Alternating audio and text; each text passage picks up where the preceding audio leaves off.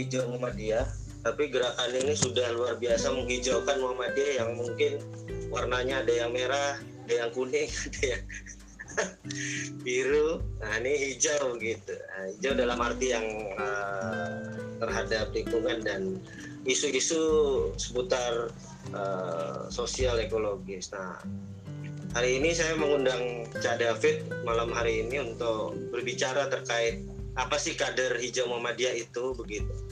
Ya yang di beberapa kota di beberapa wilayah sudah uh, uh, mulai dibangkit bukan mulai dibangkitkan mulai didirikan ya terkait dengan diskusi-diskusi uh, soal sosial ekologis. Dan uh, di Jogja juga sudah uh, banyak diskusinya. Kebetulan Cak David besok juga akan diskusi terkait uh, COVID-19 dan uh, bagaimana uh, apa namanya apa yang bisa dilakukan oleh teman-teman kader hijau Muhammadiyah di uh, masa pandemi ini. Nah, buat teman-teman yang sudah gabung, yang sudah menyaksikan ini di Facebook Persyarikatan Muhammadiyah dan Facebook-Facebook lain yang sudah kerjasama dengan kami. Nah, ini kita bisa langsung menyimak pemaparan langsung dari Presidium Kader Hijau Muhammadiyah dan uh, anggota MPI PP Muhammadiyah dan juga dosen ilmu pemerintahan UMY. Monggo dipersilakan Cak David untuk dimulai. Baik, Bismillahirrahmanirrahim. Assalamualaikum warahmatullahi wabarakatuh. Alhamdulillah Nahmadu wa nasta'inu wa na'udhu billahi min sururi anfusina wa min sayyiati a'malina may yahdihillahu fala mudhillalah wa may yudlil fala hadiyalah Asyhadu an la ilaha illallah wahdahu la syarikalah wa asyhadu anna Muhammadan abduhu wa rasuluh Allahumma sholli ala Muhammad wa ala ali Muhammad amma ba'd. Alhamdulillah pada kesempatan jamaah Isya dan Terawih kali ini kita dipertemukan oleh Mas Jar Al-Banah Al Ustadz Al Muharram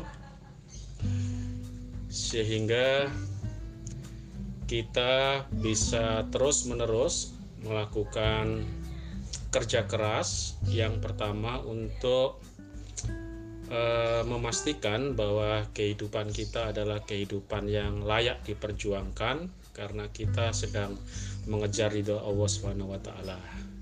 Dan yang kedua adalah kita memastikan bahwa keislaman kita adalah keislaman yang mendorong kita untuk menyelamatkan orang lain, menyelamatkan orang banyak. Sehingga Islam yang kita yakini, yang kita praktekkan adalah sebagai agama yang aktual, agama yang menjadi bagian dari solusi agama yang menjadi jawaban atas problem-problem yang terjadi termasuk pandemi coronavirus pada kali ini dan mungkin di masa-masa yang akan datang. Kita kalau membaca mendalami lebih banyak tentang Islam, maka sebetulnya Islam punya kekuatan eh, pembelaan yang sangat dahsyat terhadap keselamatan lingkungan, terhadap fitrah ekologi, dan itu bisa ditapak tilasi dari jejak-jejak ayat-ayat ekologi di dalam Al-Quran maupun eh, hadis-hadis Nabi yang mendorong kita sebagai pengikutnya untuk benar-benar uh, peduli benar-benar menganggap uh, lingkungan hidup adalah amanah ya. Dan saya kira itu di dalam Muhammadiyah di dalam uh, pedoman hidup Islami warga Muhammadiyah saya kira sudah ada satu bab yang menjelaskan tentang hubungan manusia dengan lingkungan hidup. Tanggung jawabnya posisi alam di hadapan manusia, posisi sumber daya alam bagi manusia, bagaimana kita membangun relasi yang adil, bagaimana kita membela ketika ada eh, kejahatan-kejahatan yang mengancam lingkungan hidup. Saya kira Muhammadiyah punya fondasi yang sangat baik karena itu adalah tuntunan ya, tuntunan. Belum lagi nanti kita bicara uh, Islamnya Muhammadiyah itu uh, punya kekuatan ekologi yang sangat lihat dari jejak uh, fikih air. Kalau di dalam Islam itu ada istilahnya fikih fiqh al biah fikih ekologi atau fikih lingkungan hidup. Kita punya fikih kebencanaan sebagainya. Saya kira pada kesempatan ini jelas kita sedang membela bahwa agama kita adalah agama yang rahmatan lil alamin bahwa tuntunan-tuntunan Nabi Muhammad adalah tuntunan-tuntunan yang mengarahkan kita juga kepada hubungan yang seimbang dengan lingkungan hidup. Baik, sebagaimana uh, judul yang diamanahkan, saya kira saya bisa menduga-duga teman-teman dari website membuat judul itu sangat menarik uh, karena beberapa alasan ya. Yang pertama, uh, sosial ekologis itu sebetulnya adalah dua pilar dua pilar makna rahmatanil alamin. Kalau hanya sosial saja itu berarti hanya manusia saja yang di yang mendapatkan kebaikan dari dari perilaku manusia.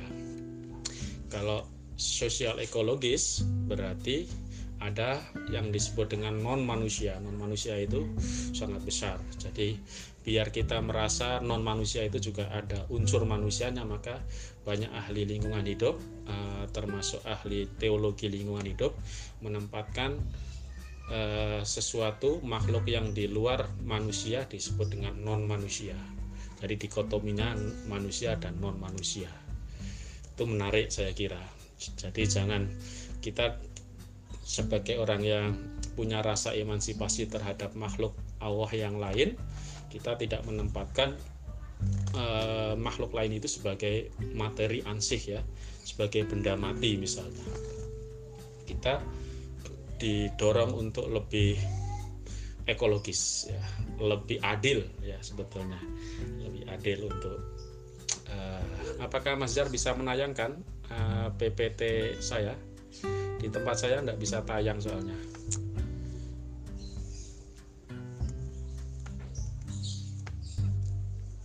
Halo Mas Jar?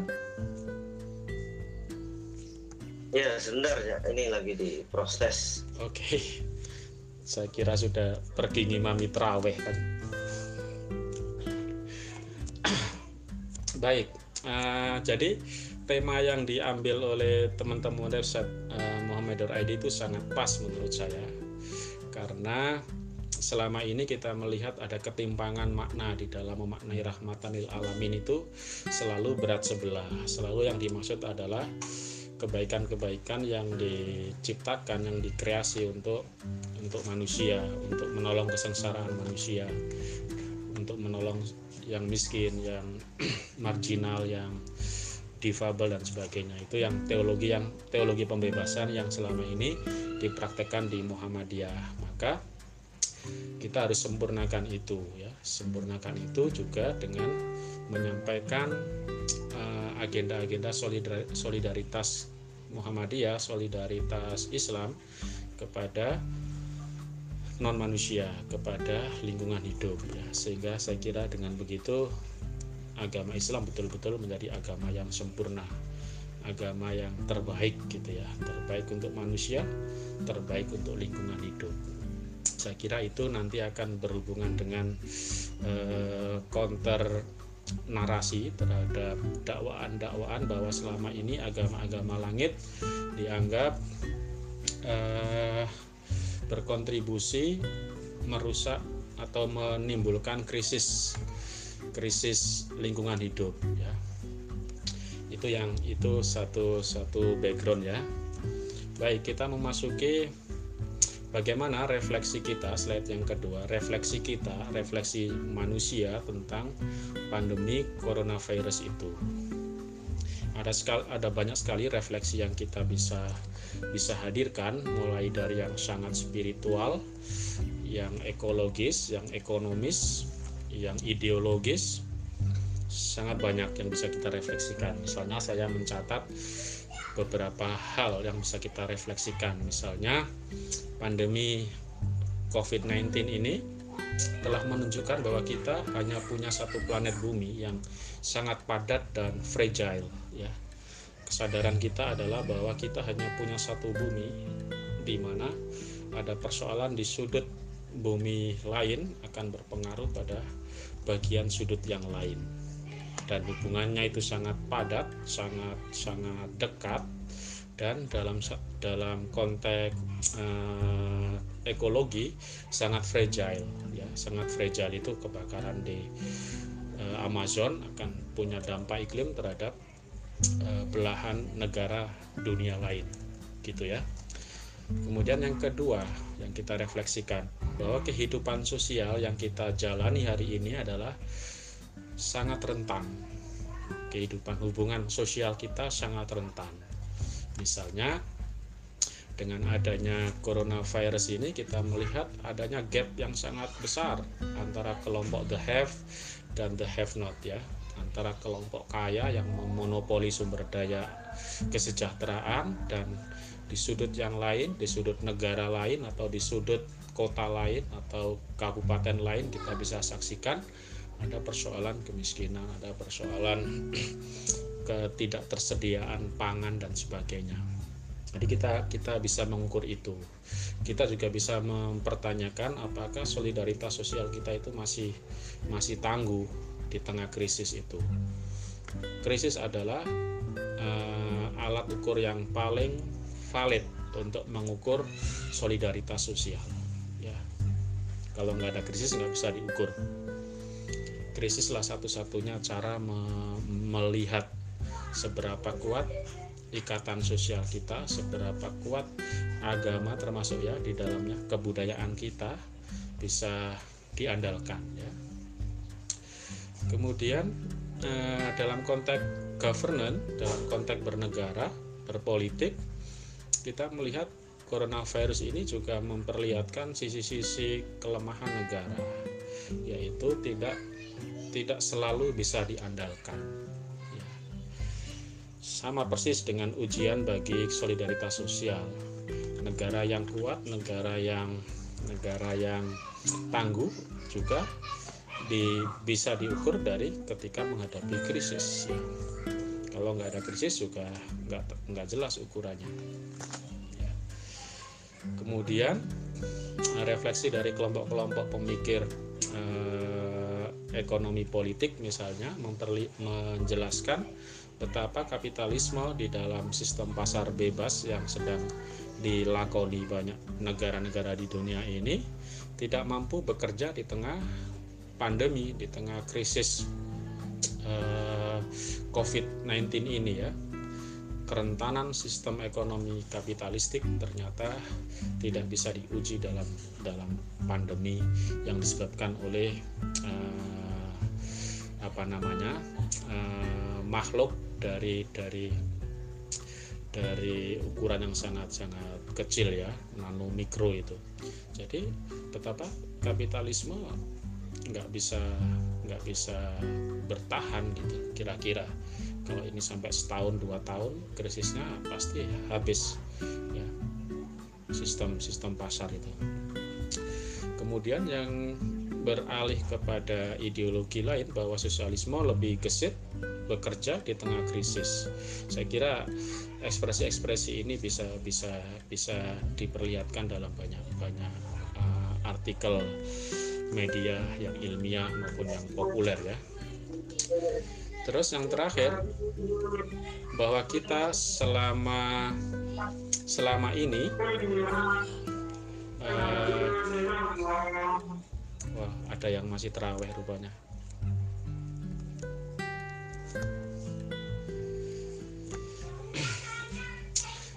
yang terakhir saya kira lagi udah gimana?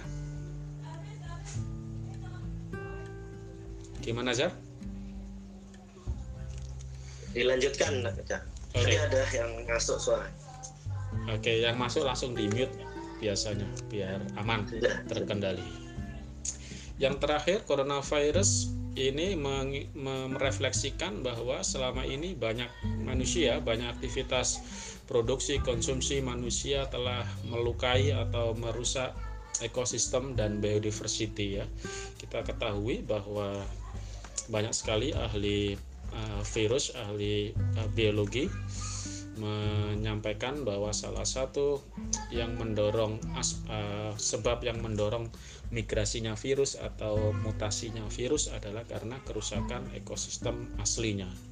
Ya misalnya virus itu dia dari dari pembawa virus yang selama ini sangat dahsyat itu kan kelelawar sama sama apa namanya tergiling ya tergiling bahasa bahasa apa itu tergiling itu dan rusaknya hutan, rusaknya ekosistem itu ya mendorong karena karena di, dirusak oleh rencana apa pembangunan-pembangunan oleh pembukaan lahan untuk berbagai macam infrastruktur itu.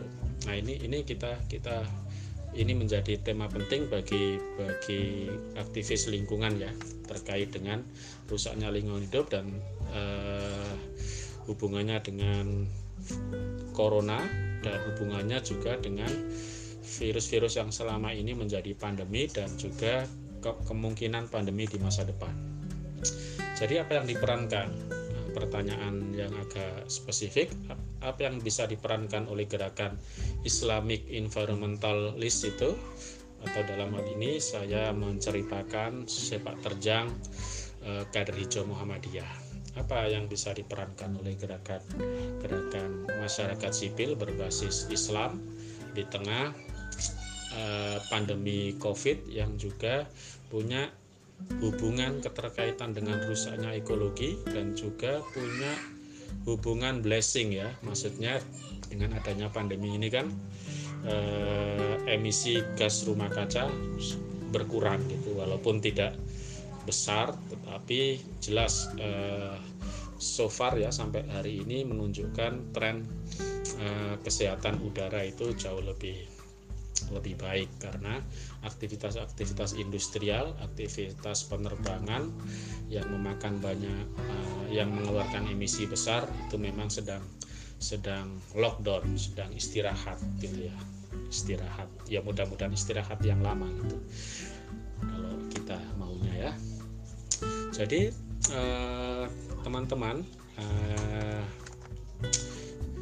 yang perlu kita sampaikan di slide keempat itu Mas Jar ya. Jadi kader hijau ini sebagai kekuatan masyarakat sipil yang bergerak untuk membangun solidaritas ekologi ya.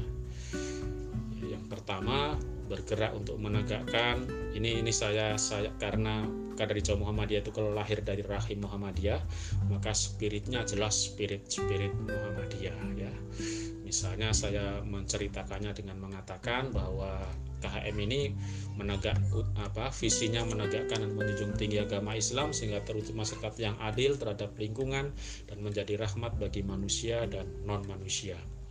Itu itu ya sejenis cara menjelaskan KHM aja ya. Walaupun itu bukan visi visi ofisialnya KHM tapi spiritnya ke sana gitu ya.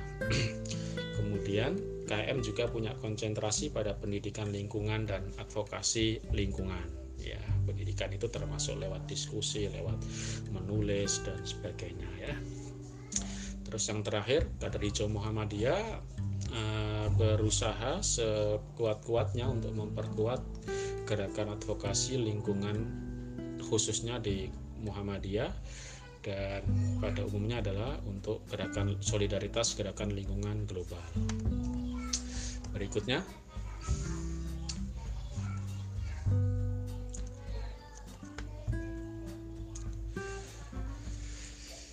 Yang bisa kita refleksikan dari apa yang terjadi di tengah pandemi ini adalah satu hal bahwa umat Islam adalah penghuni planet bumi yang paling besar menerima akibat apabila lingkungan hidup rusak, apabila terjadi pandemi, apabila terjadi bencana alam.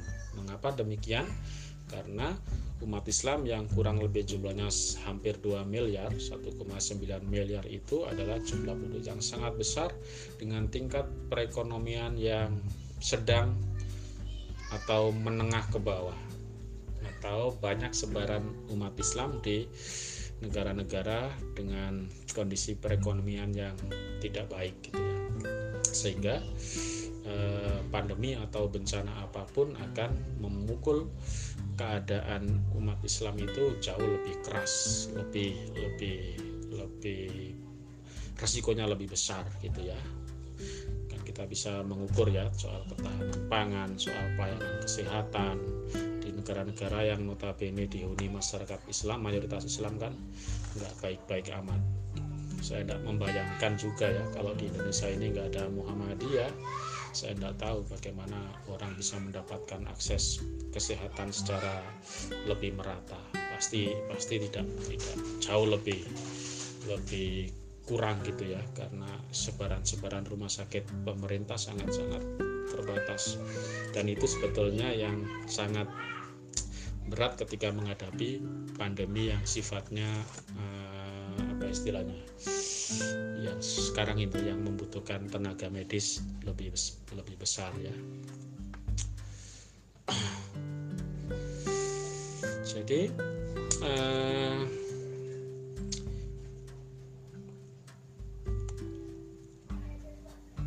saya ingin melihat empat peran utama yang bisa dimainkan, yang bisa diperankan oleh kader hijau Muhammadiyah. yang pertama yaitu kader hijau Muhammadiyah eh, punya peran bisa berperan untuk menghijaukan agama, menghijaukan agama. Jadi beberapa basis pengetahuan atau basis teologi yang bisa kita kita perkuat di dalam upaya menghijaukan agama. Dalam hal ini mungkin juga menghijaukan Muhammadiyah seperti yang Mas Jar tadi bilang itu, menghijaukan Muhammadiyah yang sudah hijau kata kata Pak Busro Mugodas sehingga Muhammadiyah menjadi lebih hijau lagi, lebih segar lagi. Beliau berharap seperti itu dengan adanya gerakan-gerakan yang punya concern terhadap isu-isu lingkungan hidup. Jadi beberapa basis teologi yang menarik yang selama ini diperkuat di KHM dan komunitasnya adalah misalnya terkait dengan uh, agama hijau, gagasan agama hijau. Yang populer adalah yang disampaikan oleh Ibrahim Abdul Matin di dalam buku Green itu yang mengenal prinsip enam prinsip untuk menegakkan Islam sebagai agama hijau yaitu tau ketauhidan ayat-ayat ayat-ayat uh, yang implisit maupun yang eksplisit ya ayat-ayat uh, kauniyah terutama itu ya ayat-ayat yang terbentang di alam itu adalah satu ibrah ya satu pelajaran teologi yang sangat-sangat penting untuk di, dijadikan landasan perbuatan kita ya. Kemudian amanah bahwa bahwa bumi adalah amanah bahwa alam semesta adalah anugerah yang harus dimakmurkan gitu ya kemudian fungsi kekhalifaan, kemudian al-adil, keadilan, kemudian mizan, keseimbangan. Ini adalah enam prinsip yang sangat paripurna untuk untuk mendorong ke agama agama Islam menjadi agama yang hijau, agama yang menyelamatkan lingkungan ya. Kemudian basis teologi yang di yang dikaji oleh uh, Fahrudin Mangunjaya misalnya menyampaikan bahwa Islam adalah agama konservasi. Uh, Fahrudin ini juga punya prinsip 6 tetapi sedikit berbeda dengan penekanan uh, Abdul Matin. Uh, Mangunjaya lebih kepada ketauhidan, ke penciptaan al-khalq, kemudian al-mizan, keseimbangan fitrah. Fitrah itu kondisi alam yang alami ya fitrah fitrah bumi, fitrah hutan, fitrah gunung dan sebagainya itu punya nilai-nilai yang uh, alami ya, nilai-nilai yang di mana titik fitrah itu adalah titik terbaik gitu ya. Yang kalau dirusak berarti akan merusak fitrah. Kemudian khalifah, kemudian al istisya, al istisya itu adalah kemaslahatan ya. Jadi boleh menggunakan alam tapi untuk kemaslahatan. Jadi hubungan hubungannya seperti itu. Ini uh, apa yang dikaji oleh oleh Fahrudin Mangunjaya dan Abdul Matin ini didiskusikan sangat luas oleh ahli-ahli lingkungan hidup teologi di uh, Kristen di Buddha artinya apa? Islam juga mewarnai perdebatan bagaimana menciptakan agama yang yang menyelamatkan lingkungan hidup itu. Jadi kita semakin percaya diri bahwa Islam itu punya punya punya kekuatan teologi di dalam mendorong uh, kehidupan yang seimbang antara uh, hubungan manusia dan alam hubungan manusia dengan non manusia itu Kemudian kita juga bisa melihat banyak sekali ayat-ayat di Al-Quran itu ya. Misalnya di dalam Al-Araf ayat 56 janganlah kamu berbuat kerusakan di bumi setelah diciptakan dengan baik. Berdoalah kepadanya dengan rasa takut dan penuh harap misalnya. Itu itu saya kira kesadaran kesadaran uh, ayat yang harus mendorong kesadaran yang sangat kuat bahwa manusia tidak merusak tidak boleh merusak bumi gitu ya. Dan sebagainya dan seterusnya. Saya agak cepat saja biar nanti ada diskusi. Peran peran yang bisa dimainkan oleh Kadrijo Muhammadiyah yang kedua yaitu eh, memperkuat pendidikan ekoliterasi ya. kesadaran ekologi di uh, di diskusikan di ortom-ortom di komunitas-komunitas Muhammadiyah ditulis ya. Kemudian merespon persoalan-persoalan nasional global terkait uh, kerusakan ekosistem biodiversity keanekaragaman hayati di berbagai tempat di berbagai penjuru Indonesia atau dunia misalnya itu kemudian mempromosikan uh, energi bersih misalnya mendorong negara-negara itu beralih kepada energi bersih tidak tidak eksploitasi terhadap energi-energi yang uh, merusak lingkungan ya. Itu sangat menarik kalau membaca bukunya Ibrahim Abdul Matin itu. Misalnya membagi uh, dua jenis energi yaitu energi surga dan energi neraka jadi energi surga itu terkait dengan terkait dengan uh, energi surga itu misalnya angin udara air tanah ya. Uh, pokoknya yang alami gitu ya. Matahari tenaga uh, energi matahari itu energi surga. Sementara energi neraka itu kayak batu bara minyak uh, fosil atau minyak apa BBM itu ya yang dari dari eksploitasi uh, atau dari energi yang tidak bisa diperbaharui itu misalnya. Jadi Islam sebetulnya lebih dekat kepada energi surga ya. Jadi Islam itu eh, agama agama angin gitu. Itu pendidikan ekoliterasi yang agak teologis ya agak filosofis ya misalnya kita bilang Islam adalah agama angin, Islam adalah agama air, Islam adalah agama matahari. Maksudnya apa? Ya maksudnya uh, harusnya mendorong kelestarian-kelestarian uh, sumber daya itu. Ya. Karena kalau di luar penggunaan sumber daya itu cenderung merusak gitu. Fakta menunjukkan bahwa negara negara-negara yang terlalu wow.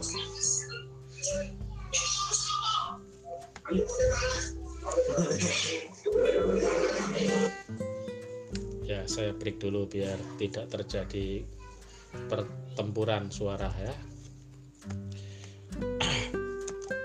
Jadi sampai mana tadi agama angin, agama matahari ya Islam itu dan itu disebut sebagai agama konservasi ya. Agama Islam adalah agama konservasi, agama yang memperbaharui. Kalau di Muhammadiyah abad pertama itu memperbaharui uh, teologi puritan ya, purifikasi. Maka sebetulnya abad kedua ini punya peluang besar untuk menjadi uh, gerakan konservasi karena bumi sudah terlalu payah, sudah terlalu berat menanggung beban dari eksploitasi manusia itu dari dari apa namanya uh, eksploitasi produksi kapitalistik yang mengejar pertumbuhan seolah-olah tanpa batas. Padahal banyak ekonom ekonom kawakan mengingatkan bahwa pertumbuhan itu punya limit punya keterbatasan kenapa mengejar pertumbuhan ekonomi sumber-sumber kesejahteraan itu punya keterbatasan? Ya kita pasti paham bahwa bumi itu terbatas gitu. Sumber daya yang ada di bumi itu terbatas apalagi sumber daya yang tidak bisa diperbaharui. Maka pendidikan ekologi pendidikan ekoliterasi punya kekuatan yang sangat penting untuk untuk memperbaiki uh, tuna ekoliterasi itu tidak melek ekologi itu harus dimulai dari penguatan pendidikan dan kita bersyukur adik-adik IPM di ranting, di cabang, pusat, IMM dan Nasyatul Aisyah dan komunitas-komunitas literasi misalnya sudah semakin luas mendorong eh, pengetahuan yang baik tentang sistem tata kehidupan bumi ini, planet bumi ini. Itu menurut saya adalah modal untuk bertahan di abad kedua eh, Muhammadiyah. Karena Muhammadiyah uh, katakanlah kita bisa bilang uh, Muhammadiyah akan tetap ada tanpa ada negara. Misalnya oke okay, itu sebagai self confident yang sangat bagus tapi bisa nggak Muhammadiyah hidup tanpa bumi gitu? Tanpa bumi yang layak dihuni oleh manusia kan? Nggak bisa maka tema muktamar itu saya kira Mas Jar sangat penting untuk mendorong uh, pembaruan atau konservasi pembaruan ekologi bukan teologi menjadi satu agenda yang bisa didorong ya. Dan kader hijau Muhammadiyah sudah mendiskusikan itu kemarin dengan teman-teman kader hijau Muhammadiyah di Sulawesi Selatan misalnya ingin memberikan poin-poin penting bagaimana Muhammadiyah seharusnya merespon kerusakan-kerusakan lingkungan yang semakin semakin parah gitu ya semakin parah. Apalagi diikuti dengan persebaran penyakit zoonosis seperti COVID-19 ini maka bisa limbung gitu ya bisa bisa bisa mati gitu ya. Sebuah organisasi dihadapkan pada uh, apa persoalan-persoalan yang betul-betul di luar batas kemampuannya. Yang uh, ketiga sebelum yang terakhir uh, gerakan-gerakan lingkungan berbasis uh, masyarakat sipil seperti kader hijau Muhammadiyah harus uh, atau turut serta memperbaiki jejak ekologis dan jejak karbon ya dua hal ini sangat menarik di dalam ilmu eko, dalam ekologi ya dalam gerakan ekologi jejak ekologis itu adalah peninggalan-peninggalan kita yang bisa merusak atau bisa ber, berakibat buruk pada ketahanan lingkungan hidup ya. Sementara jejak karbon berarti emisi yang kita hasilkan ya. Itu masing-masing uh, ada cara-cara cara mengukurnya ya. Jejak ekologis itu diukur dengan nama satuannya itu global hektar misalnya. Manusia menurut uh, referensi yang saya baca manusia jejak ekologisnya itu kalau seimbang kehidupan itu hanya punya jatah 1,2 1,2 global hektar 1,2 GHA. Sementara hari ini eh, beberapa tahun yang lalu tepatnya sudah dihitung penduduk muka bumi itu punya jejak ekologis dibuat rata-rata sudah 2,2 global hektar ya global hektar. Di Amerika paling besar Amerika itu satu orang per kapita jejak ekologisnya itu sudah 9,5 global hektar yang rendah itu ya negara-negara miskin itu. Nah, kalau jejak karbonnya itu ada ukurannya sendiri ya yang emisi itu. Saya kira saya tidak perlu cerita itu dulu. Jadi uh, memperbaiki jejak ekologis itu ya dengan cara mendayagunakan ilmu pengetahuan. Seorang muslim yang baik kita juga harus percaya terhadap dua hal ya. Di luar di luar uh, ketauhidan yang diyakini ya yang kita sebut sebagai ilmu pengetahuan walaupun ilmu pengetahuan itu bukannya terpisah dari dari uh, konsep keagamaan ya tapi sementara saya coba dua hal ini agak agak sekuler gitu ya jadi mendayagunakan ilmu pengetahuan. Yang kedua, mendayagunakan kearifan kolektif. Dua hal ini harus dipercaya kalau kita mau memperbaiki keseimbangan ekologi. Jokowi kan kelihatannya kurang begitu percaya terhadap ilmu pengetahuan ya. Kalau selama pandemi ini kan ada nuansa seperti itu. Ada nuansa anti anti ilmu pengetahuan. Misalnya di Jakarta Post itu ada memuat headline science first misalnya untuk mendorong rezim pemerintahan itu agar mendahulukan ilmu pengetahuan di dalam di dalam menangani krisis itu kemudian ada kearis, kearifan kolektif. Salah satu bentuk kearifan kolektif itu misalnya ekonomi gotong royong ekonomi solidaritas.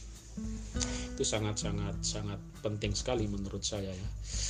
E, bayangkan ketika pemerintah belum melakukan satu keputusan yang jelas tentang pandemi masyarakat kemudian men, mem, e, membangun kesadaran kolektif untuk melakukan pembatasan sosial dari kampung di apa gate kampung misalnya kemudian mendorong solidaritas ekonomi solidaritas berbagi ekonomi berbagi dan sebagainya ya.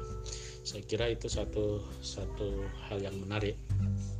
Kalau produk-produk kapitalistik mungkin agak kalau nggak dipaksa mungkin nggak melakukan itu. Misalnya kita uh, mungkin ekonomi solidaritas itu saya maknai sedikit berbeda dengan dengan ekonomi es, apa sharing ekonomi yang dilakukan oleh pemain-pemain kapitalis. Misalnya apa uh, Gojek misalnya itu kan mengklaim diri sebagai sharing ekonomi. Tetapi kalau sedang ada pandemi siapa yang ngasih makan uh, driver gojek-gojek itu mungkin Muhammadiyah mungkin anak IMM mungkin anak-anak apa namanya masyarakat sipil yang lain ya. jadi kita melihat ada ada ada sesuatu yang punya takdir berbeda kalau sharing ekonomi itu basisnya adalah akumulasi kapital seperti perusahaan-perusahaan startup itu mereka tidak akan responsif terhadap situasi krisis pangan dan sebagainya. Sama juga dengan oligarki yang merusak lingkungan itu juga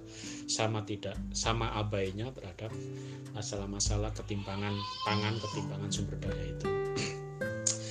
Jadi uh, saya ingin mengutip uh, gagasan Schumacher penerima Nobel Ekonomi itu. Saya bacakan sedikit aja biar bertenaga ya. Eh, dalam kegairahan yang dibangkitkan oleh kekuatan ilmu dan teknik itu modernitas ya manusia modern telah menciptakan sistem produksi yang memperkosa alam dan membangun jenis masyarakat yang merusak manusia.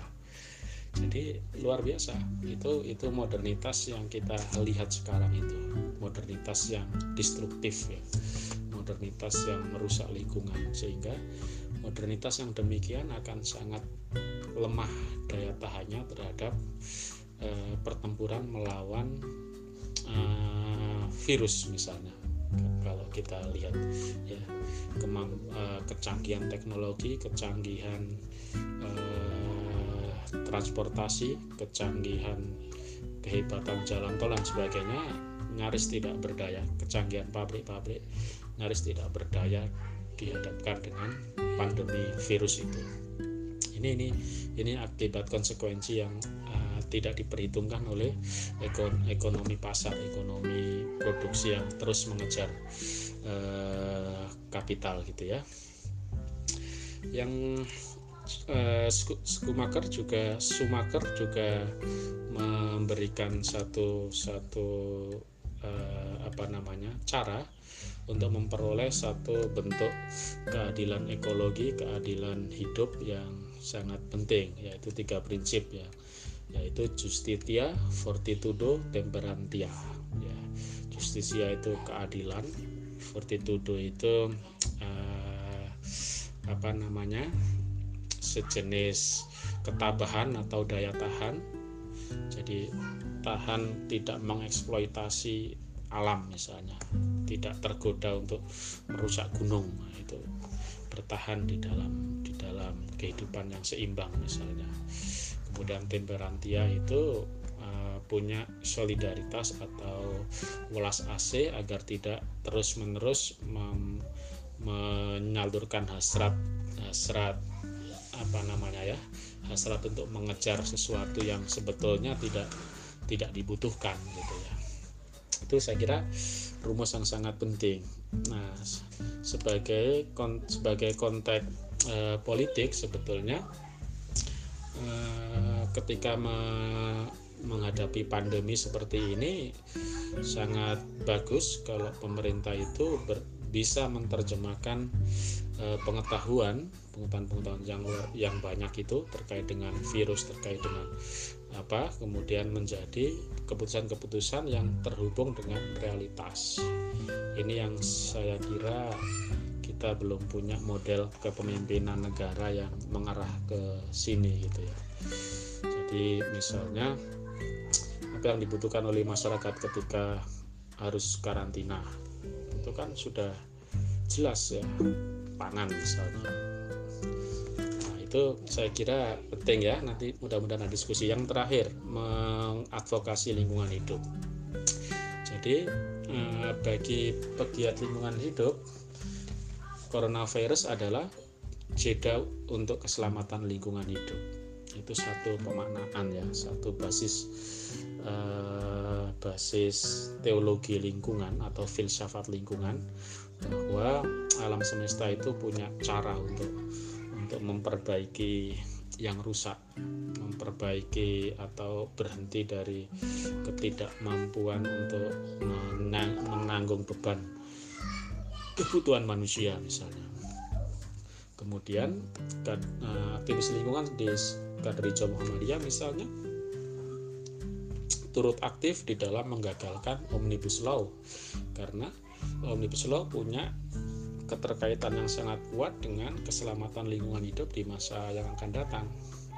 Dan ketika lingkungan hidup tidak selamat, maka kita bisa memprediksi bahwa pandemi-pandemi yang lain yang ada di hutan, virus-virus yang biasanya bermukim atau berhidup uh, hostnya itu di uh, keanekaragaman hayati itu kemudian dirusak, maka sudah dibayangkan sudah diprediksi oleh banyak banyak ahli biologi ya bahwa kerusakan ekosistem itu juga akan mendorong eh, apa namanya migrasinya atau mutasinya virus-virus itu ke keluar situ ya. Ini yang agak-agak eh, ilmu-ilmu biologi ya.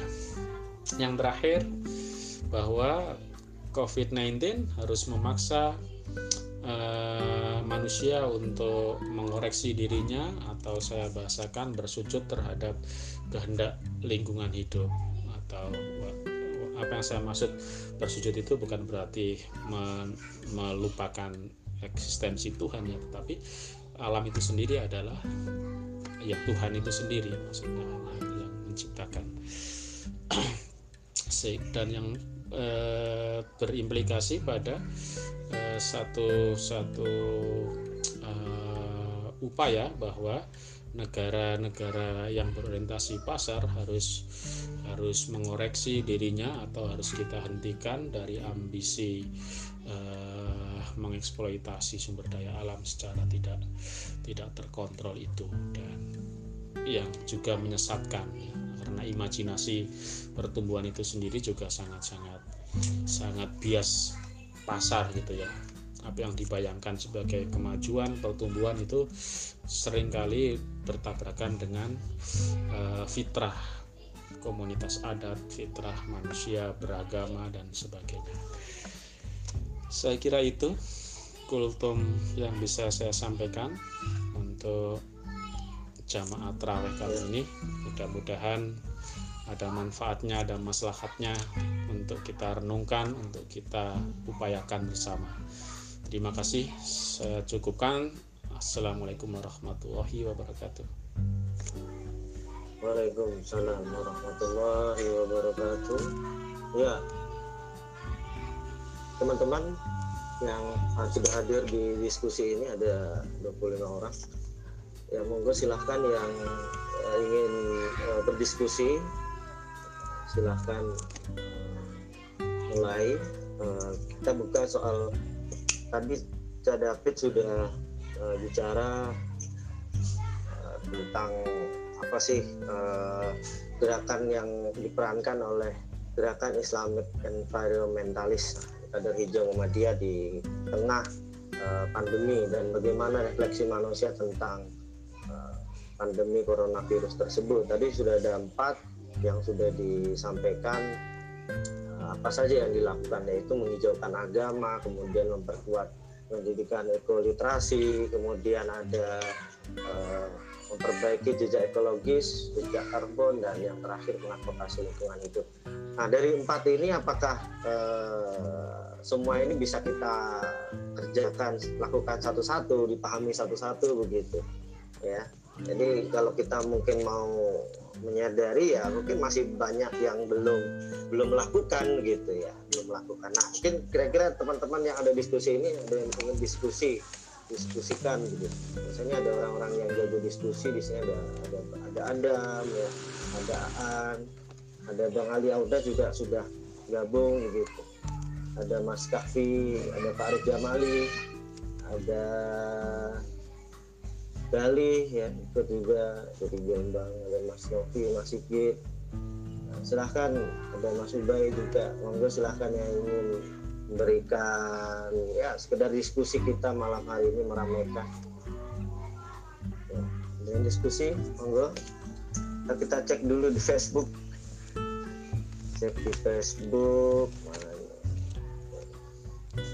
Pak Arif Jamal Bang Arif Jamali itu sama Mas Sigit sedang ngopi itu. Ini kok unmute Om Sigit sama Pak Arif Jamali itu kayaknya sedang sedang makan bakmi bu.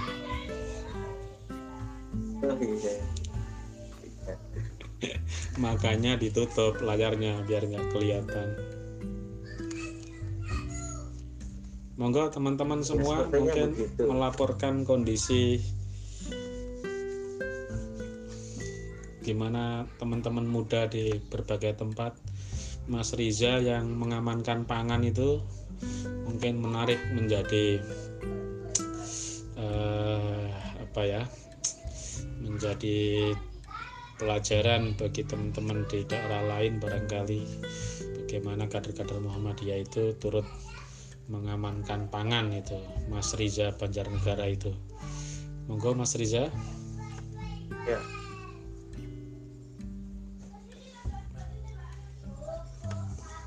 Oke.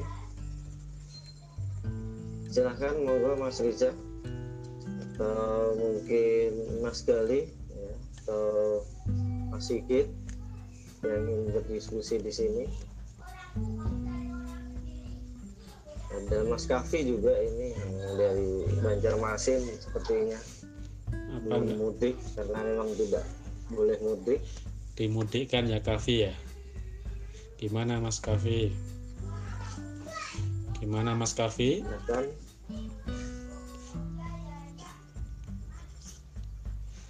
Albawi, Albawi, halo Albawi.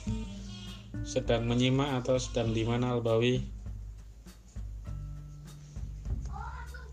Assalamualaikum. Waalaikumsalam. Waalaikumsalam Mas Kavi. Gimana ini kondisinya Mas Kavi? alhamdulillah di sini sama lah mungkin ya dengan di teman-teman di Jogja. Oh belum mudik ya? Balik kampung dak? Pulang kampung dak? Memang tidak boleh mudik ya. Iya. Tidak boleh. Ada sanksi ya? Iya nanti di anu sama Jokowi nanti. sanksi iya. bagi para aparatur sipil. Baik, uh, Cak David dan Mas Jar izin anu lah sharing. Ya, silahkan. Ya selama ini saya mengikuti teman-teman di KHM masih pasif ya baru jadi follower aja. Menarik tadi yang disampaikan oleh Cak David berkaitan dengan literasi. Cuma uh, harus ya sedikit informasi teman-teman harus hati-hati bahwa sekarang uh, memang pemerintah juga menekan kepada golongan-golongan marginal ya petani-petani itu ada program untuk mengurangi emisi gas rumah kaca. Jadi hmm. memang produksi atau aktivitas di lahan itu sangat berkaitan dengan sangat ben, berkaitan erat dengan sumbangan emisi gas rumah kaca. Meskipun itu sangat kecil gitu. Iya. Yeah. Tapi ini justru menjadi proyek menjadi proyek yang just ada, ada dana loan ya dari IFED. Nah, sebaliknya justru eh, apa perusahaan-perusahaan besar yang menyumbang emisi gas rumah kaca yang jauh berlipat-lipat dibandingkan eh, sekedar petani kecil itu justru tidak tersentuh.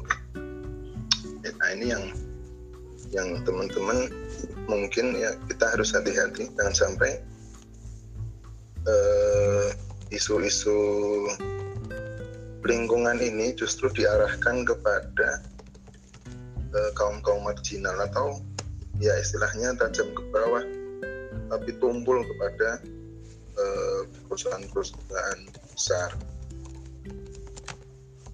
Itu uh, yang pertama yang kedua, saya di sini melihat dengan mata kepala sendiri. Selatan ini eh, sentranya perkawinan ya, perselingkuhan antara eh, pemerintah dengan eh, apa? Pemerintah dengan pengusaha-pengusaha kelas akap yang merusak lingkungan. Nah ini masyarakat sekitar sehingga apa juga tersetir dengan atau bukan tersetir apa ya tidak bisa tidak bisa memberikan masukan feedback berkaitan dengan kegiatan-kegiatan perusahaan lingkungan yang ada di sekitar ya mungkin itu sudah dikalkulasi sama teman-teman tapi e, nyata orang yang apa, vokal terhadap isu-isu lingkungan di sini dibungkam dan tidak sedikit yang di ya di apa ya di ya apa ya dihilangkan nyawanya bisa dikatakan seperti itu itu bukan bukan lebih apa ya bukan mendonkan teman-teman tapi menjadi uh, pelajaran dan uh, kehati-hatian kita. Mungkin itu aja Cak David dan Mas Dar sekedar sharing dari saya. Terima kasih Mas. Terima kasih Mas Kafi semoga sehat-sehat terus di Banjarmasin ya. Oke uh, ini ada yang lain? Albawi sepertinya sudah menyimak di Facebook dan ikut juga di Zoom. Ya, ini ada chat nih Pak Arif Jamali. Lalu Cak David Cak bertanya bagaimana caranya ekoliterasi itu. Itu? Ya Pak Alia udah. Monggo. Itu ya, Pak Waalaikumsalam senior. Luar biasa ini. Energinya besar sekali nggak ada capeknya ini Bang Ali ini. Ya saya belum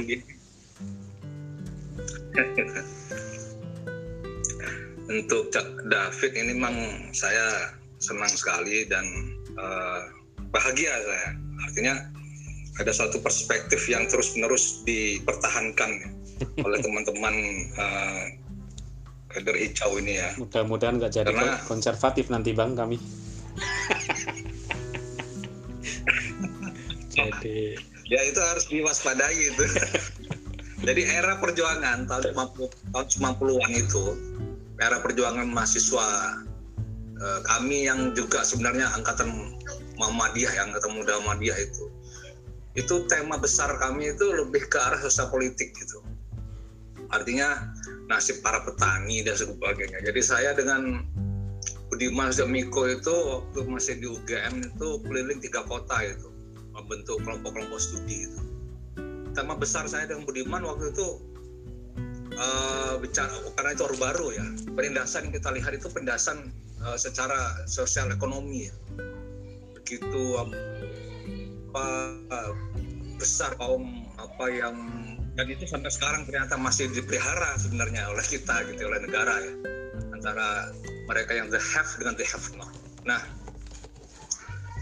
Cak David dengan teman-teman ini itu memberi warna baru bagi saya di, di angkatan muda Muhammadiyah, di mana uh, kerangka konstruk uh, konstruk yang dilihat ini tidak lagi ketimpangan the have and the have not. Dia lebih lebih mendasar lagi dan bahkan menurut saya lebih esensial, justru lebih esensial menurut saya karena karena akar dari kapitalisme itu memang sebuah keserakahan yang outputnya menghasilkan sebuah peradaban yang akan merusak ekologi itu sebuah keniscayaan. Jadi yang dulu tidak kami lihat, yang, yang angkatan saya tidak lihat dulu itu adalah bahwa kapitalisme itu tidak sekedar menindas secara ekonomi gitu, tidak sekedar membuat klasifikasi strata miskin dan kaya, dia bahkan menjajah bumi ini gitu. Dia bahkan memperkosa menindas bumi ini gitu. Jadi planet ini yang dia tindas tidak sekedar human planet bayangkan itu. Itu itu kenapa kenapa akhir-akhir ini kalau saya nulis selalu saya bicarakan kesadaran ekologis kesadaran ekologis. Karena soal planet ini soal makhluk gitu loh. Soal ke seluruh seluruh makhluk tidak sekedar human gitu. Ini ini luar biasa gerakan gerakan teman-teman di, di apa di kader hijau berkemajuan. Jadi saya ingin memberikan apresiasi saya yang lebih besar kepada teman-teman. Teruslah dengungkan ini sampai ke tahap di mana kemudian banyak orang meyakini akhirnya ini persoalan agama gitu ini persoalan iman ini soal akidah gitu. Karena dulu dulu maaf ya maaf dulu. Saya itu semacam berontak di Muhammadiyah. Karena nggak ada khutbah-khutbah Jumat yang bicara tentang ketidakadilan ekonomi itu nggak ada gitu. Hari ini hari ini saya melihat keresahan teman-teman itu gitu loh. Hari ini teman-teman melihat kok tidak ada ustadz-ustadz ulama-ulama yang bicara tentang ketimpangan ini gitu. Jadi saya menghead off ya memberi penghormatan setinggi-tingginya untuk Cak David dengan semua kawan-kawan di dalam gerakan ini. Teruslah mengibarkan bendera ini dan insya Allah mudah-mudahan ini suatu saat akan benar-benar memberi mungkin bisa jadi malah branding baru branding baru dari gerakan dakwah Muhammadiyah gitu Terima kasih. Assalamualaikum warahmatullahi wabarakatuh. Waalaikumsalam warahmatullahi wabarakatuh. Terima kasih Bang Ali Audah yang sudah memberikan pesan ya, artinya simpati terhadap rumah doh mau baca lagi. Kader hijau Muhammadiyah. Ya ini ada pesan di komentar persyarikatan Muhammadiyah Cak, yang disampaikan oleh Mas Sahrul Ramadan Yusuf. Uh, katanya? Gerakan lingkungan sangat erat dengan uh, isu isu penindasan dan perampasan ruang hidup dalam hal ini butuh backup besar karena risiko yang didapat aktivisnya juga berat kapan-kapan hadirkan Eh, kapan-kapan hadirkan Pak Busro katanya di acara ceramah tarawih ini yang membesar membahas isu lingkungan dan penindasan yang dilakukan oleh Darki katanya begitu. Terus uh, katanya acara ini juga diapresiasi Cak oleh Mas Syahrul ini. Andai saja ceramah-ceramah di Masjid Muhammadiyah konteksnya seperti ini begitu. Jadi ya mungkin eko literasi eko eko apalagi cak tadi itu? Pokoknya eko eko lah. Nah itu Pak Arif Jamali bertanya gitu cak. Kira-kira eh, ekoliterasi itu dibahasakan sederhana sehingga menjadi gerakan milenial untuk membangun karakter saya mendorong untuk SD Muhammadiyah Kembaran melalui gerakan sekolah aman bencana gimana itu cak biar ekoliterasi tidak tidak menjadi gerakan di langit maaf. Oke, saya merespon ya. silakan tidak direspon. Ya, saya kira apa yang disampaikan Mas Kavi itu sebetulnya suatu kondisi empirik yang selama ini saya masih punya jarak ya, walaupun saya juga pernah belusukan di Lampung di daerah Sawit, di Blora, di Ngawi ya. Tapi Mas Kavi tentu bisa melihat kondisi real. Saya juga punya banyak mahasiswa yang berada di area tambang misalnya punya hal-hal yang sangat empirik yang dilaporkan bahwa apa yang disampaikan Bang Ali Auda bahwa keserakahan itu memang dilegalkan. Keserakahan itu difasilitasi oleh oleh negara ya. E, catatan saya ada rumus yang semakin umum diperlihatkan. Tadi Mas Kavi bilang upaya apa PR Indonesia untuk menurunkan emisi berapa persen ya? 9 apa ya? E, kalau tidak salah Indonesia itu. Atau 14 ya saya lupa. Dikasih tugas dikasih PR para pemberi pinjaman e, uang ya. Termasuk juga negara-negara maju yang paling banyak ya tetapi yang dipasrahkan justru kepada kelompok-kelompok yang sumbangan emisinya kecil ya. Itu mirip sekali dengan ketika kita menghadapi pandemi itu lalu Sri Mulyani bilang kas negara berkurang atau kas negara mau habis gitu. Lalu ya, masyarakat rakyat disuruh urunan untuk menanggulangi coronavirus ini. Ini kan negara ini lari dari tanggung jawab ya lari dari tanggung jawab. Kalau memang nggak bersedia mengelola negara kan harusnya diserahkan ke NU apa ke Muhammadiyah misalnya atau ke siapa. Nah, sama persis dengan uh, tidak mampu mendorong perusahaan-perusahaan itu menggunakan clean energy atau energi bersih lalu lalu di apa namanya didorong masyarakat masyarakatnya itu untuk urunan menanggulangi uh, apa pengurangan emisi itu. Sama persis dengan situasi di berbagai macam kota ketika kota itu tidak mampu menyediakan ruang terbuka hijau maka mereka titipkan ke hotel ke sekolahan kayak kayak begitu agar uh, ruang terbuka hijaunya di kota itu menjadi cukup 30% persyaratan dari apa namanya tuh undang-undang lingkungan hidup. Banyak sekali kota-kota yang menitipkan ruang terbukanya itu ke swasta termasuk di Jogja itu.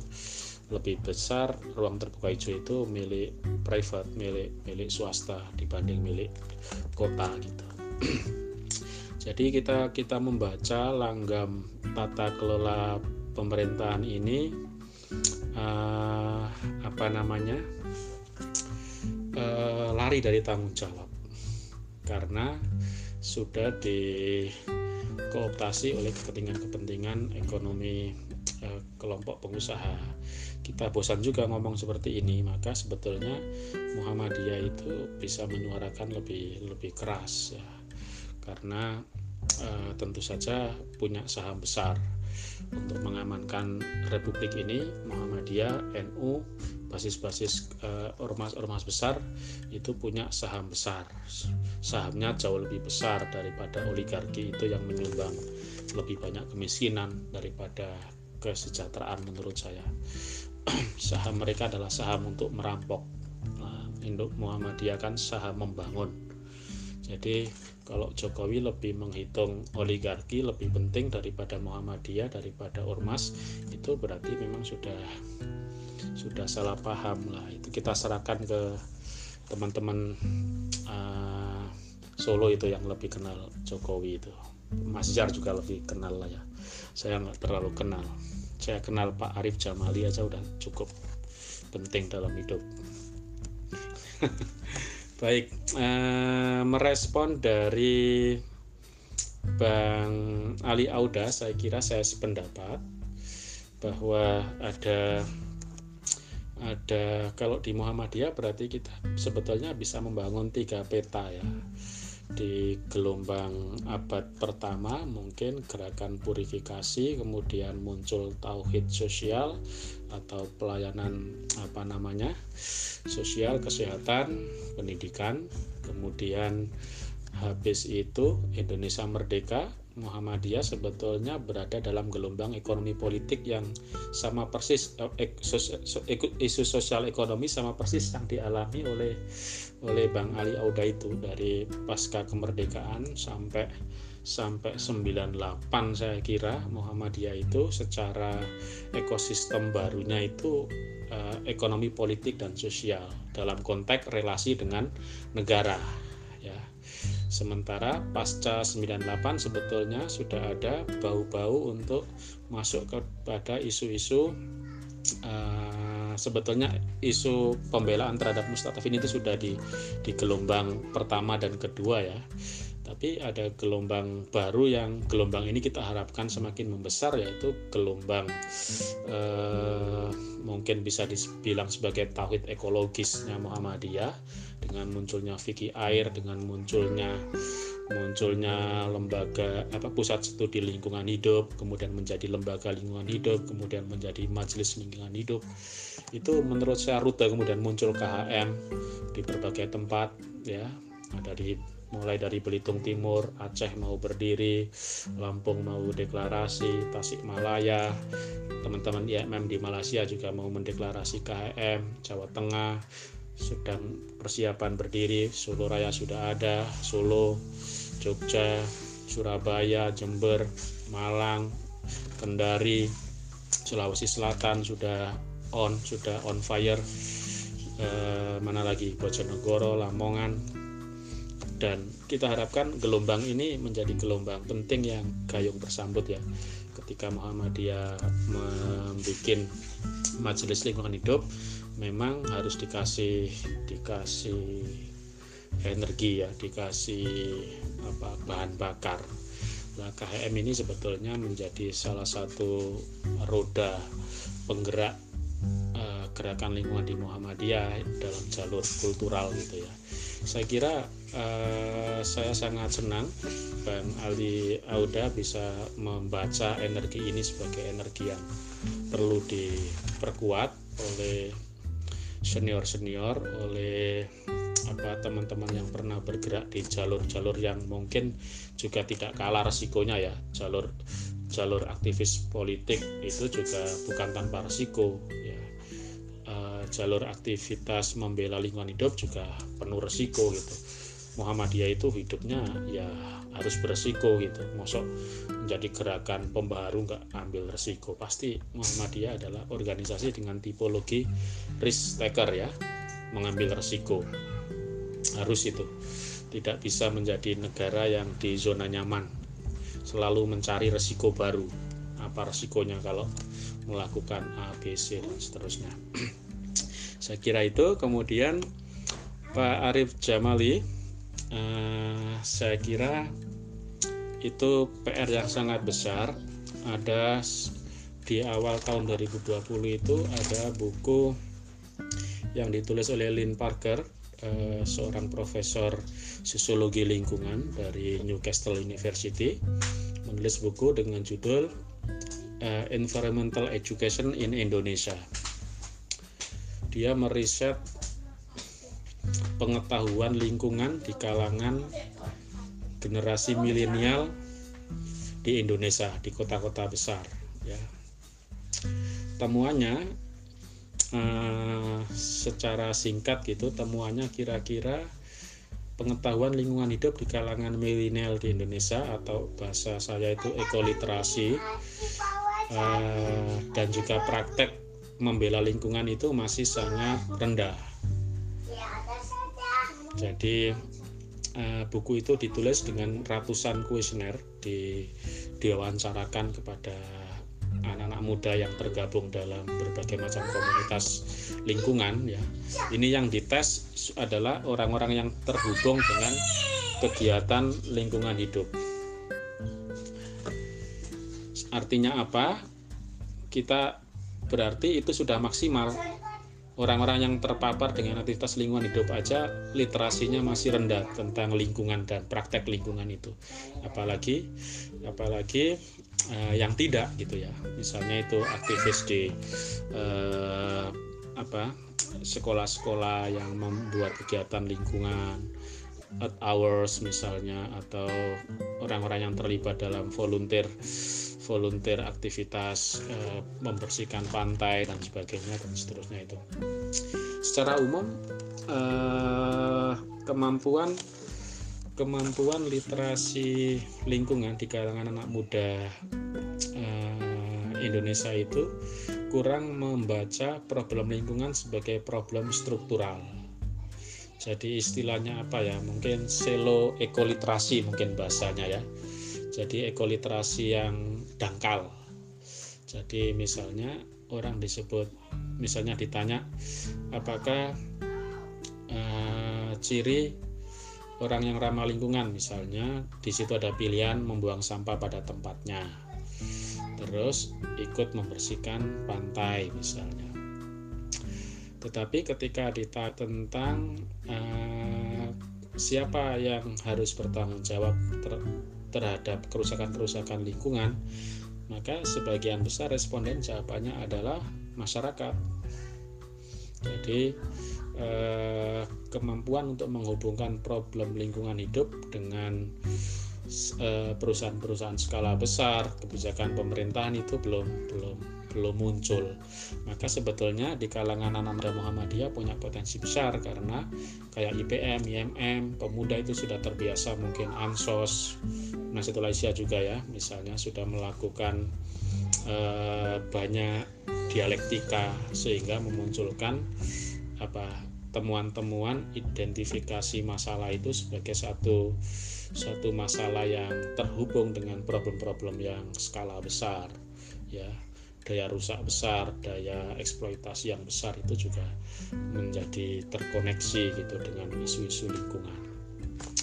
Lalu pertanyaan praktisnya kira-kira bagaimana sih membum, mempri, membumikan ekoliterasi itu di kalangan di kalangan uh, anak sekolah misalnya saya tidak tahu bahasa bahasa pasnya apa ya untuk me, mengubah ekoliterasi itu uh, dalam bahasa anak-anak SD sangat-sangat sulit memang. Tetapi poin saya barangkali teman-teman bisa membantu mencari formula poin saya ekoliterasi adalah sesuatu yang aktif. Pengetahuan yang diaktifasi dengan praktek jadi itu mirip dengan ekologisme mungkin. Atau uh, ya sebetulnya yang kita yang kita inginkan ekoliterasi itu sebuah gerakan. Bukan sebuah pengetahuan kognitif atau teoritis. Maka saya usul uh, rumus ekoliterasi itu adalah pengetahuan lingkungan plus aksi gitu. Jadi aktif ekoliterasi itu kata aktif atau sesuatu yang aktif bukan pasif gitu ya. Bukan, bukan pasif. Nah nanti misalnya eh, di, bisa dibahasakan misalnya mendaya menda ya hmm, mungkin eh, apa ya daya gerakan yang gerakan yang berusaha berupaya mendorong daya tahan lingkungan hidup bagi bagi ekosistem gitu. Nah, agak sulit ya bahasanya ya karena memang kata ekoliterasi ini kan satu terminologi apa ya uh, yang sangat filosof filosofi sebetulnya dari siapa namanya Kapra itu yang menggabungkan kata ekologi dan literasi itu sebagai satu basis pengetahuan yang emansipatif. Jadi memang ekoliterasi itu membela sesuatu gitu. Ekoliterasi itu sedang mempertahankan sesuatu keadaan yang dianggap ideal, sedang membela dan juga menolak kerusakan gitu. Jadi pengetahuan basisnya ya. Saya kira uh, itu dulu mungkin respon saya teman-teman. Mudah-mudahan Bang Ayib bisa menyampaikan suaranya untuk uh, mungkin lebih bisa mendorong pembahasan yang lebih inklusif untuk gerakan ekoliterasi di kalangan anak muda itu. Sila. Pak Arif Jamali. Masih bakminya belum dingin nih. Ya, uh, Pak Arif Jamali iya. Ya uh, Pak Minya sudah kedengaran suara saya? Pak Mi sudah habis Pak Mi suara suara bagus Pak. Ya ini apa mungkin melalui ini nah, mungkin melalui harus sudah mulai mencoba masuk ke struktur-struktur yang yang mungkin mapan misalnya eh, PM atau atau majelis dikdas gitu ya eh, tentu yang yang anak-anak mudanya yang bisa diajak untuk berpikir dan berdiskusi tentang eh, kegiatan ekoliterasi ini. Nah peluang-peluang itu harus dikejar supaya keinginan kita untuk menjadikan generasi muda atau anak-anak milenial, anak-anak yang lebih kecil itu itu berpihak kepada persoalan-persoalan lingkungan. Karena uh, ini saya, saya setuju dengan Mas Ali ya misalnya uh, ini harus menjadi gerakan apa bersama harus kemudian uh, apa masif karena lingkungan kita ya tempat bumi kita berpijak ini butuh itu. Tidak tidak bisa lagi uh, hanya di awang-awang. Karena kebutuhannya menurut saya sudah sudah mendesak. Nah saya sebenarnya tidak begitu mendalam ya tentang e ekoliterasi ya, tapi uh, misalnya saya yang bergerak di di kebencanaan itu berpikir bahwa mungkin kepedulian anak-anak melalui eh, gerakan-gerakan uh, pengurangan resiko bencana itu kan sangat dekat dengan persoalan-persoalan lingkungan. Nah, anak-anak diajarkan bahwa uh, apa uh, bencana tidak akan terjadi, uh, kita tidak akan mengalami kerugian yang sangat besar ketika misalnya kita peduli pada persoalan-persoalan kegiatan-kegiatan lingkungan. Uh, banjir terjadi karena tentu dengan praktek-praktek, gitu, praktek-praktek yang kemudian dilakukan oleh guru, uh, melihat kondisi di sekitar uh, lingkungannya dan melakukan proyek-proyek sederhana agar ke depan begitu anak-anak itu kemudian bisa berpihak kepada lingkungan.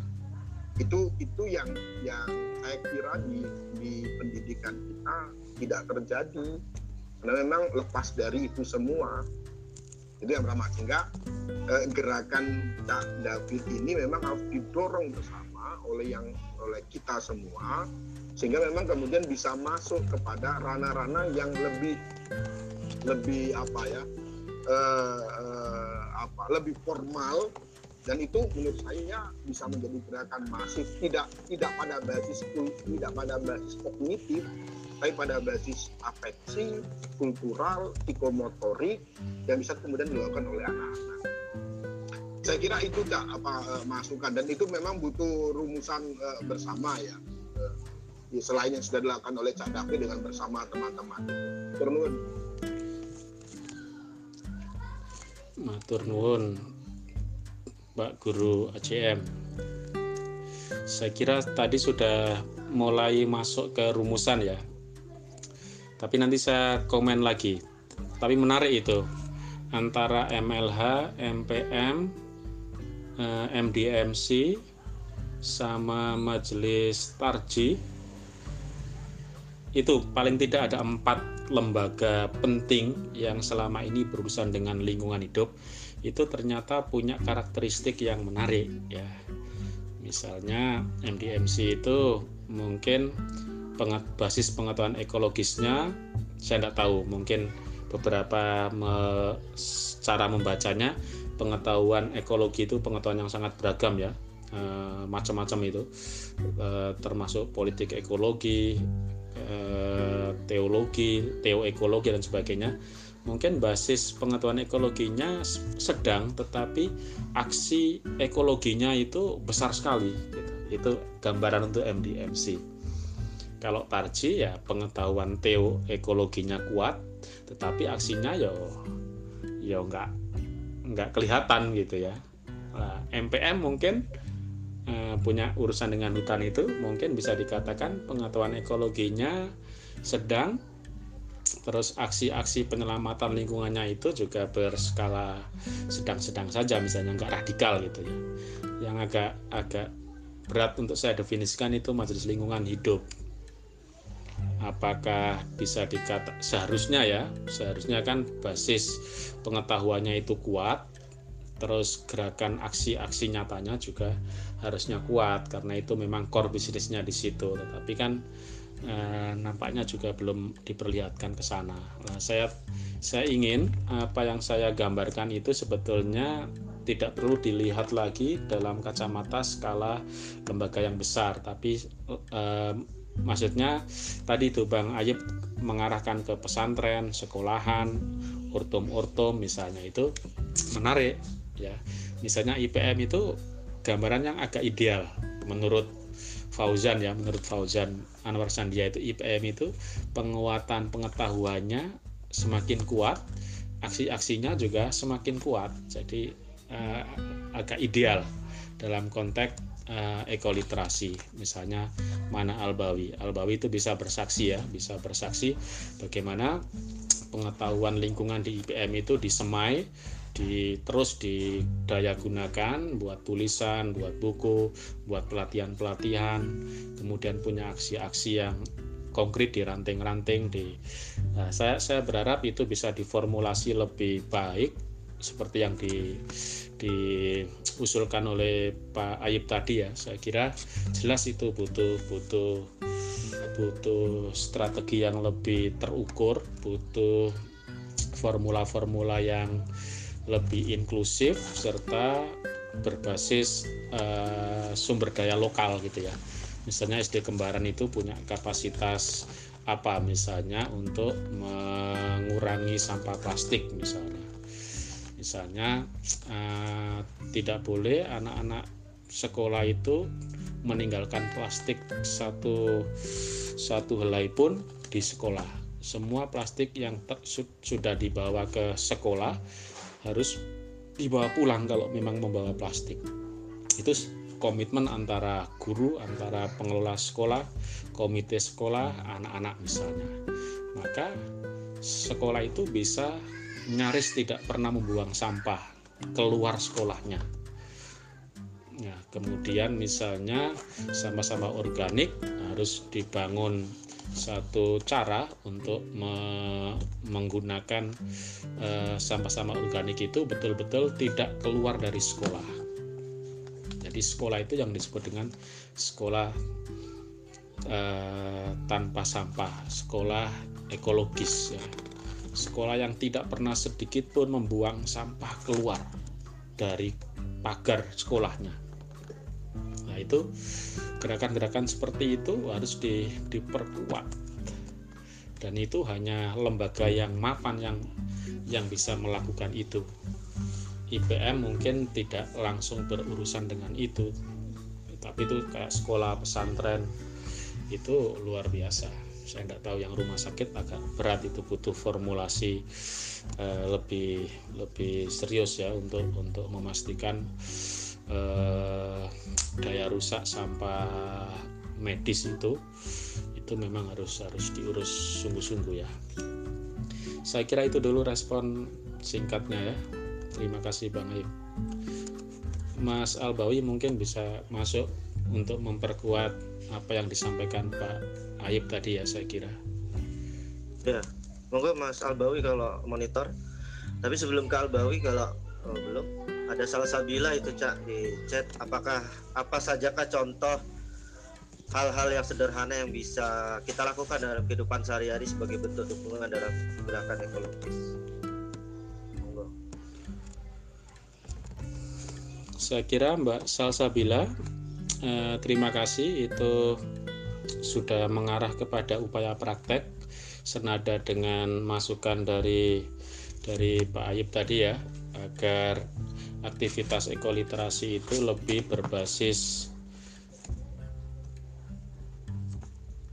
Terima kasih Mbak Salsabila. E, pertanyaannya sudah me, semakin me, menjelaskan usulan dari Pak Arif Jamali tadi agar aktivitas atau gerakan ekoliterasi itu menjadi praktek ya, praktek. Bukan sebuah pengetahuan semata, tapi sebuah praktek hidup atau cara mengelola hidup ya. Mengelola hidup, mengelola masa depan mungkin bahasanya siapa dulu itu Daud Ibrahim ya merencanakan hidup mengelola masa depan nah ini me, mengelola hidup e, mengamankan masa depan lingkungan. Nah itu kira-kira apa yang bisa dilakukan secara sederhana dan bisa lebih gampang dipraktekkan ya. E, ada banyak buku. Saya misalnya ingin memperlihatkan sebagian eh, yang di list oleh Fakhrudin Mangunjaya di dalam buku Bertahan di Bumi Gaya Hidup Menghadapi Perubahan Iklim. Itu mengelis ada ratusan cara sederhana untuk berkontribusi terhadap perbaikan atau keselamatan lingkungan ya. Misalnya berkomitmen di di keluarga untuk tidak menggunakan plastik atau mengurangi sampah plastik. Menularkan gagasan itu ke tetangga berdebat dengan isu lingkungan nah, itu sudah ini bisa sangat pelajar banget ya berdebat tentang isu lingkungan e, mencari dukungan kepada tokoh publik untuk gerakan yang dilakukan. Nah, sudah benar kita minta dukungan Bang Ali Auda, kita minta dukungan Pak Arif Jamali itu udah benar dalam diskusi ini. Melakukan daur ulang, diskusi kecil, membuat komunitas, menghemat kertas, membuat film-film dokumenter tentang lingkungan, kampanye-kampanye di sosial media tentang pentingnya menjaga lingkungan, menulis artikel, mengurangi jejak karbon, mengurangi maksudnya residu dari aktivitas kita ya, menanam pohon, menanam apa pun ya, menanam tanaman, eh, berwisata ke tempat-tempat yang sudah berhasil membuat sistem apa eh, kelola lingkungan yang baik berbasis komunitas misalnya ada sangat banyak menurut saya ya Oke, gitu dulu Mbak Salsabila nanti bisa dikembangkan.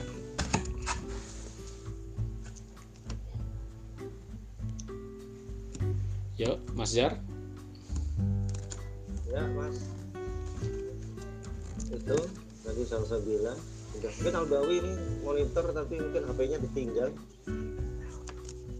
Ini bisa diskusi ini sebelum kita tutup. Ya. Iya. Nah, Albawi sudah itu, Cak. Enggak, Albawi. Baik, Assalamualaikum warahmatullahi wabarakatuh. Waalaikumsalam. Wow.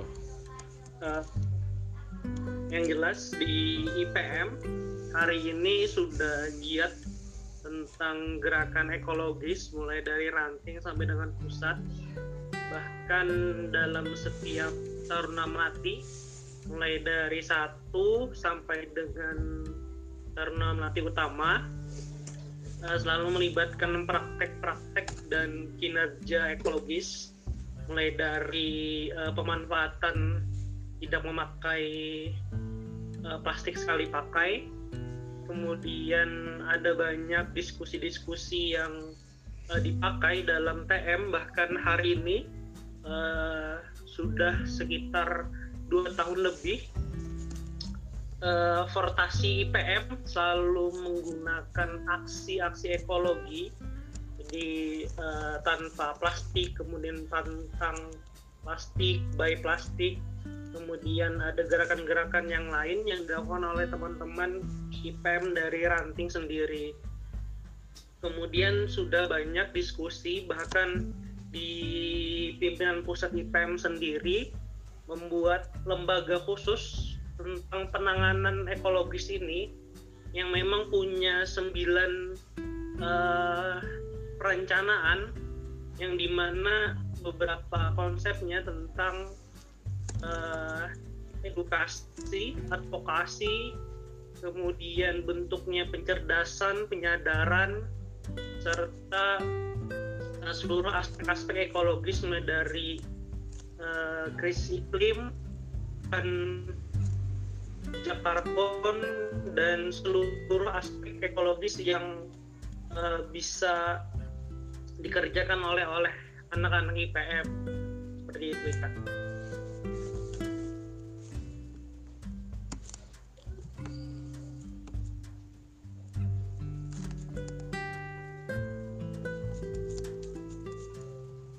Oke.